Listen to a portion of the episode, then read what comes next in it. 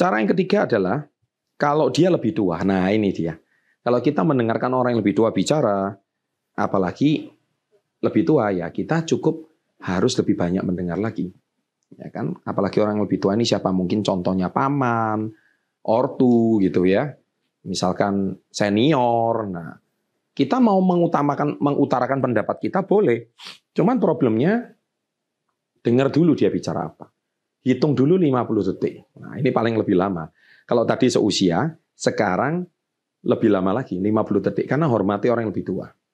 Ya, hormati dia bicara. Mungkin juga dia kesel uh, sama problemnya dia gitu. Tapi kekesalannya ini nggak bisa dilampiaskan.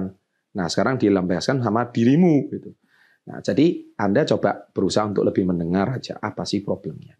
Coba direnungkan, didengarkan, ya kan selama 50 detik ini saya kalian akan nanti pelan-pelan dia akan coba bisa berkomunikasi dengan kalian.